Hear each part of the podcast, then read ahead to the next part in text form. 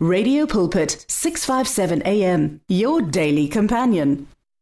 Lochani balalele emakhaya nilotshiswa ngumfundisi uMahlangu nginilochisa ngisuka emhathweni omkhulu iRadio Pulpit ePretoria nginilochisa ehlelweni ikonzo ngibawa ke mlaleli nawe mzalwane ekhaya sithathe nje isikhatshana sihlephule izwi lenkosi namhlanje ngifuna ukukhuluma nani msinyana ngesihloko esithi keep holding on to God no matter what. Eh kakarela kuzimu kakarele ungalisi.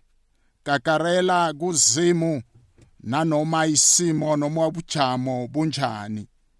Izwi lenkosi siyolifunda lapha ya encwadini ethu isambulo sahluko 2 verse 18 sifike ku29 izwi lenkosi lifundeka ngalendlela Giyo ingilozi yebandla leThiatira tlola uthi Nakamezwi wendodana kaZimu enamehlo ingamalangabe omlilo nyawo zayo ziphazima njengedzila etsengiswe ngemlilweni ithi Ngiyayazi imisebenzi yakho ithando nokukholwa kwakho ukulocha nokunyamezela kwakho nokuthi imisebenzi yakho idlula yokthoma kodwa indaba yami ngawe kukobana unyamazele lo mfazi okuthiwa nguJezebeli ozibiza athi umprofiti bona afundise insebenzi zami bona zenze ubufebe nokudla okuhlatshelwe inthombe ngamnikela ithuba lokuphenduka kodwana khange afune ukuphenduka ebufebeni bakhe. Yelela ke ngizamphosela embhedeni wenhlungu kuthi laba hlobonga nabo ngibaphosele ekubandezelekeni okukhulu nakube abaphenduki emisebenzini yakhe ngizobhubhisa abantwana bakhe amabandla wonke azakwazi bona ngingiloyo ohlola iziso nenhliziyo begodu ngizokuvuza omunye nomunye wenu ngokwemisebenzi yakhe. Njeke ngithi kini nakwabanye abaseThiatira labo abanganama abanganamatheli efundisweni le nabangakafundi lokho ekuthiwa ngokuzikileko kwakasathani angisani angisanithwesa omunye umthwalo. Kwaphela bambelelani kilokho eninakho bengifike. Loyo wahlulako enza imisebenzi begodu bekube sekupheleni ngiyomupha ilungelo lokubusa intshaba uzozibusa ngendonga yesimbi aziphahlaze zibe zinquqwana njengembiza yomdaka iye. Njengalokha nami ngamukela kubaba kodwa ngizamnikela ikhwezi lokusa. Onendleba kezwe lokho umoya akuchoko emabandleni. Babegameni elinamandla lenkosethu Jesu Kristu. Baba leli zwi lakho liyaphila. Izwi lakho linamandla baba nalikhuluma isimo asihlali sinjalo. Baba likhadluleke ngendlela ethandwa nguwe. Impilo zethu zichuguluke ngebanga lezwi lakho egameni elinamandla lenkosi yethu Jesu Kristu. Amen and amen. Eh bazalwane isihloko esikhuluma ngaso ngithi mina kakarelani kuzimu ningalisi. Namtchana isimo singavumi namtchana isimo sisimbi. Bambelela kuzimu ungalisi. Engikwaziko bazalwane ukuthi nanoma ngabe sicalene nezimo ezibudisi empilweni zethu omunye bowuqalene nesimo izolo omunye uqalene nesimo namhlanje kodwana engifuna ukukutshela kona nengifuna ukukuletha ukuthi ubanjwe sisandla sikazimo esinamandla ubanjwe sisandla esinothando uzimu ngekho akulise angekho akuchiye wena kakarela nje kwaphela kuye. Impilo bazalwane akusiyinto eyenzeka nje beyiphele kodwa impilo likhambo. Empilweni ethu nasikhamba empilweni ethu okukholwa kufanele njalo bazalwane uzimu sihlale sikakarele kuye. Ukukholwa kwethu kusuke ekuzazeni. Kube ngukukholwa kweqiniso.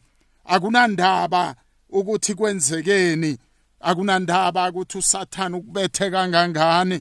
Akunandaba ukuthi inkingo oqalene nazo zikulu kangangani. Kodwa nesifuneka sikwazi okusinikela ithemba ngokuthi uzimu sokulunga omdala wensuku usahlezi esihlalweni sobukhosi kakarela kuye. Ungavumi bonyana izimo zikuhlule kakarela kuye noma izimo zibudisi. Ungaqali isimo leso uqalene naso ungaqala ubudisi lobo uqalene nabo izwi lenkosi esilifundileko.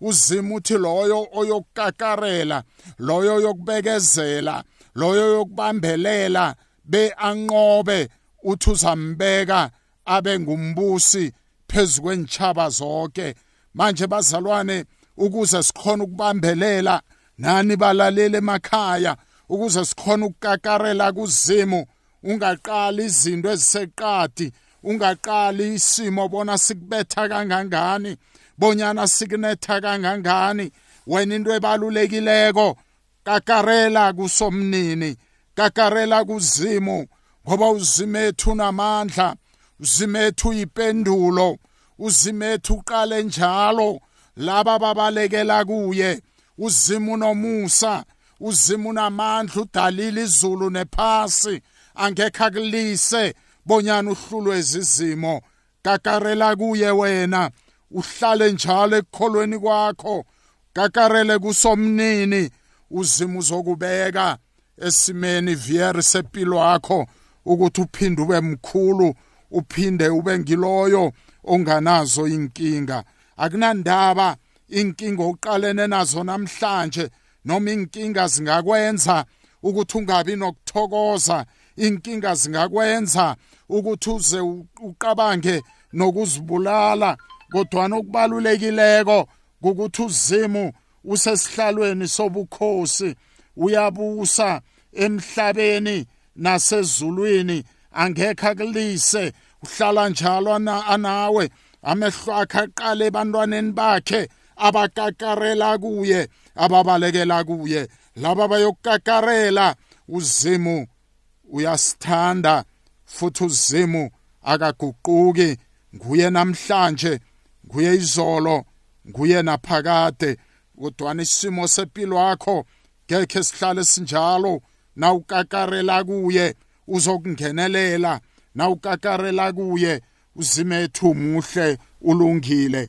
Izwe sifundekilo ngebandla lethiathira uzima uthi uyayazi imbereko yebandleli uyayazi nokukholwa kwabo ukuthi ukukholwa kwabo kukhulu kodwana uthi unento yinye ukuthi ibandla lethiathira livumele owesifazane ozibiza bonyana umborofita uJezebeli bonyana afundise endlini kaZimu begoda afundise nenisebenzi zikaZimu ukuba kobonyana zihloboke noma kobonyana zibe eh, ngabaphingako aphinge nabo. Uzima uthi lokho akumenzi athokoze ngebandla lethiathira uthi uzombhubhiso njalo uthi uJezebeli umnikela ithuba lokubana aphenduke akhe ngaphenduke. Uthi ngizomlahlela embhedeni wenhlungu ngibulale nabantwana bakhe. Kodwana uzima uthi kithi bazalwane nanoma sesibe nesono sokuvumela ngoba bazalwane inkinga yethu noma izimo ezenza ukuthi sibhalelwe kukakarela kusomnini ukuthi siba nezono noma siba nesono sokuvumela ibandla lethiathira nagade namtshana belenza kuhle kodwana laba nesono lavumela lo uJezebeli ebekazibiza bonyana umprofita bonyana afundise inqeko zikazimu ubufebe. Zenza imisebenzi yobumnyama. Uzima uthi ngimnikele ithuba. uJezebeli bonyana aphenduke kodwana khe ngafuna ukuphenduka. Uthi ngizomphosela embhedeni wenhlungu nalabo ahlobo ngenabo kodwana uzima uyabuya godu kuverse 26 uthi loyo owahlulako enza imisebenzi bekube sekupheleni ngiyomuphi ilungelo? Lokubusa loyo kakarelako loyo yokujama ngoba abazalwane banenge abojezebheli empilweni zethu zinengi izimo esizivumelako ezisisono. Phambi kobuso bomdala wensuku. Manje bazalwane kulesi sikhathi. Kufuneka abazalwane abangekhe bavumele ngenxa yobudisa abaphakathi kwabo. Kufuneka abazalwane abangekhe basuke kuzimu abazalwane abaziko bonyana uzimu nguye namhlanje nguye izolo kuye naphakade akaguquki ujame njalo nguyohleli esihlalweni sobukhosi. Kufuneka abazalwane abaziko bonyana na ukakarele kuzimu uzimu uzoqala ngakuwe uzimu uyakuthanda ngekho akulise. Kufanele sikwazi bazalwane ukuthi nanoma izimo zisehlula nanoma izimo zisihlasela uzimu nguye osahlezi esihlalweni sobukhosi nguye osaphethe amandla wombuso ngekhe asilise ngekhe asichiye uyokuhlala nathi kuze kube sekugqineni uzimethu muhle uzimethu uyasithanda. Ngithi kuwe mlaleli nawe mzalwane ekhaya ungasabi. Kakarela kuzimu. Angazi ziziphi izimo oqalene nazo angazi yini lokho kukwenza uhlale njalo ufana nebandla lethiathira uvumela izimo ekufanele ungazivumeli izimo ezibonakala zisisono phambi kwakasomnini. Namhlanje ngithi kuwe chiya ikusasa lakho ongalaziko chiya ikusasa lakho ongalaziko esandleni sakazimu owaziwako uzimo odalile izulu nomhlaba uzimo obusako uzimo ophakemeko ongekhe walinganiswa nalutho kakarela kuye unguzimo omuhle ohlala nawanjalo na ukakarela kuzimu namkhana iphasi liqale kangathi liyawa namtshana izimo zempilo zivela ngathi uyabhalelwa. Impilo yakho iyaphela. Wena kakarela kusomnini uzosilungisa isimo sempilo yakho oqalene naso. Bazalwane kubalulekile ukuthi phakathi kwenkinga phakathi kokuhluleka phakathi kwehlazo hlangana nokuhlutshwa sikakarele kuzimethu ngoba unguzimo onamandla unguzimo ongachiyani. Laba bamfuna ngokweqiniso uqala ngakibo laba bamfuna isimo sesifanele ukubabhalela uyangenelela. Nathi sitsho njengodavida sithi noma ngikhamba ethunzini legodi lothunzi lokufa angesabi litho ngombana wena unami uzimu na ukakarele kuye uyokuhlala nawe uzimu na ukakarele kuye angekhe akuchiya nanoma ukhamba ehaheni legodi lethunzi lokufa ungusokulunga nguyohleli esihlalweni sobukhosi. Ngekho akuchiya ngekho akulise uzimethu ulungile. Kakarela kuye. Ichuguluko liyeze empilweni yakho kakarela kuye. Ihelebho liyeze empilweni yakho kakarela kuye ujame uqine.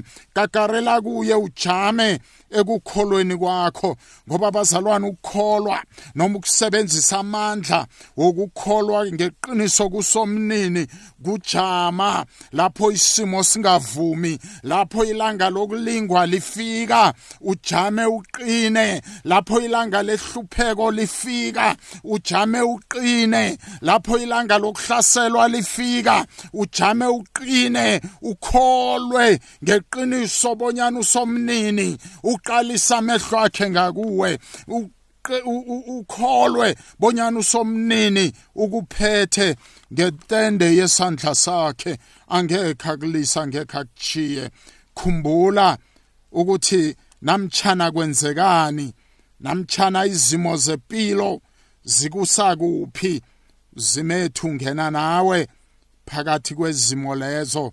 Kakarela kuzimu kakarela kuye mlaleli kakarela kuye emzalwane ekhaya. Nasicabanga bonyana impilo sesiyinqobile nasicabanga bonyana impilo sesiyihlulile siphila kamnandi. Usathana uyavela fake inyawo asibangele inkinga size sifune nokulisa kusomnini. Kodwana namhlanje nawufunda isambulo 2 uverse 26 yiba naleli themba.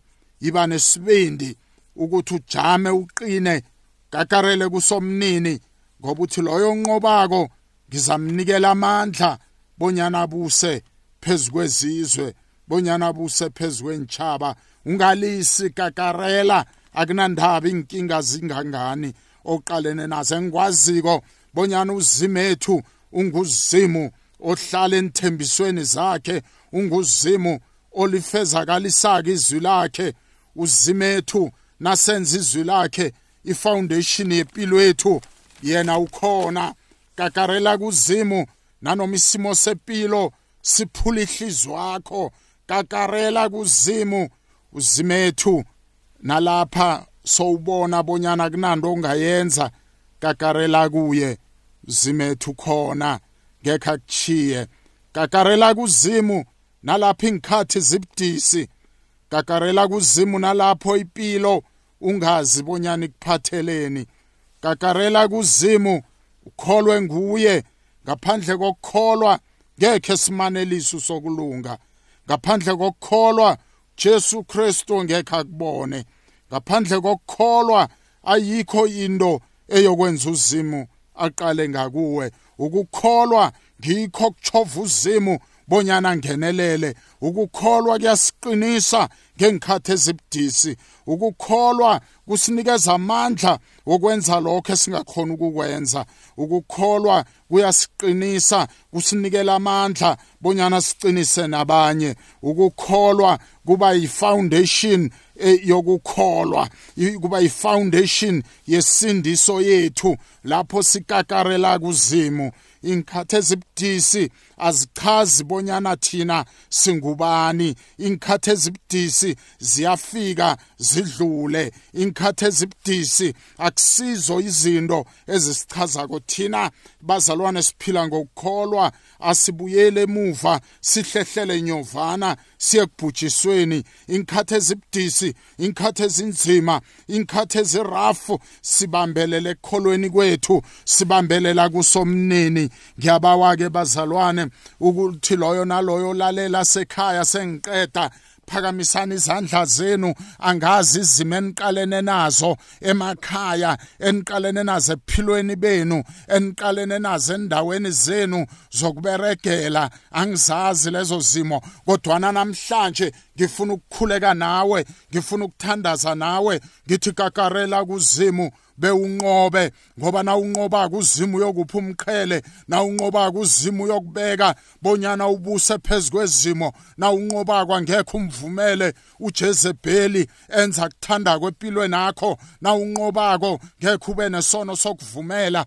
Baba egameni elinamandla lenkosethu Jesu baba nababalaleli nababazalwane emakhaya kunezimo baba baqalene nazo.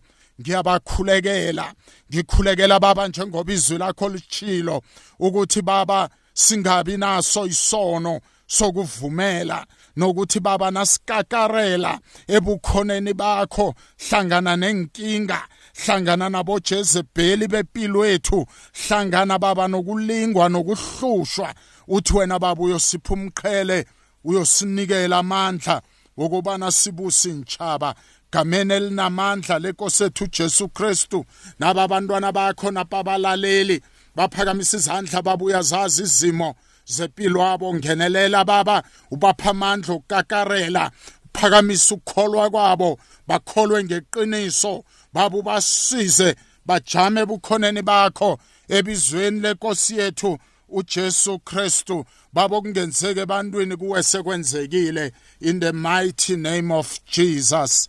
Eh nani mfuna ke umfundisi ningamfonela kule nomboro ethi 0729873673 amen and amen. The words of the Lord are words of life. Your heart is on 657 AM. 657 AM. Radio for believers in action.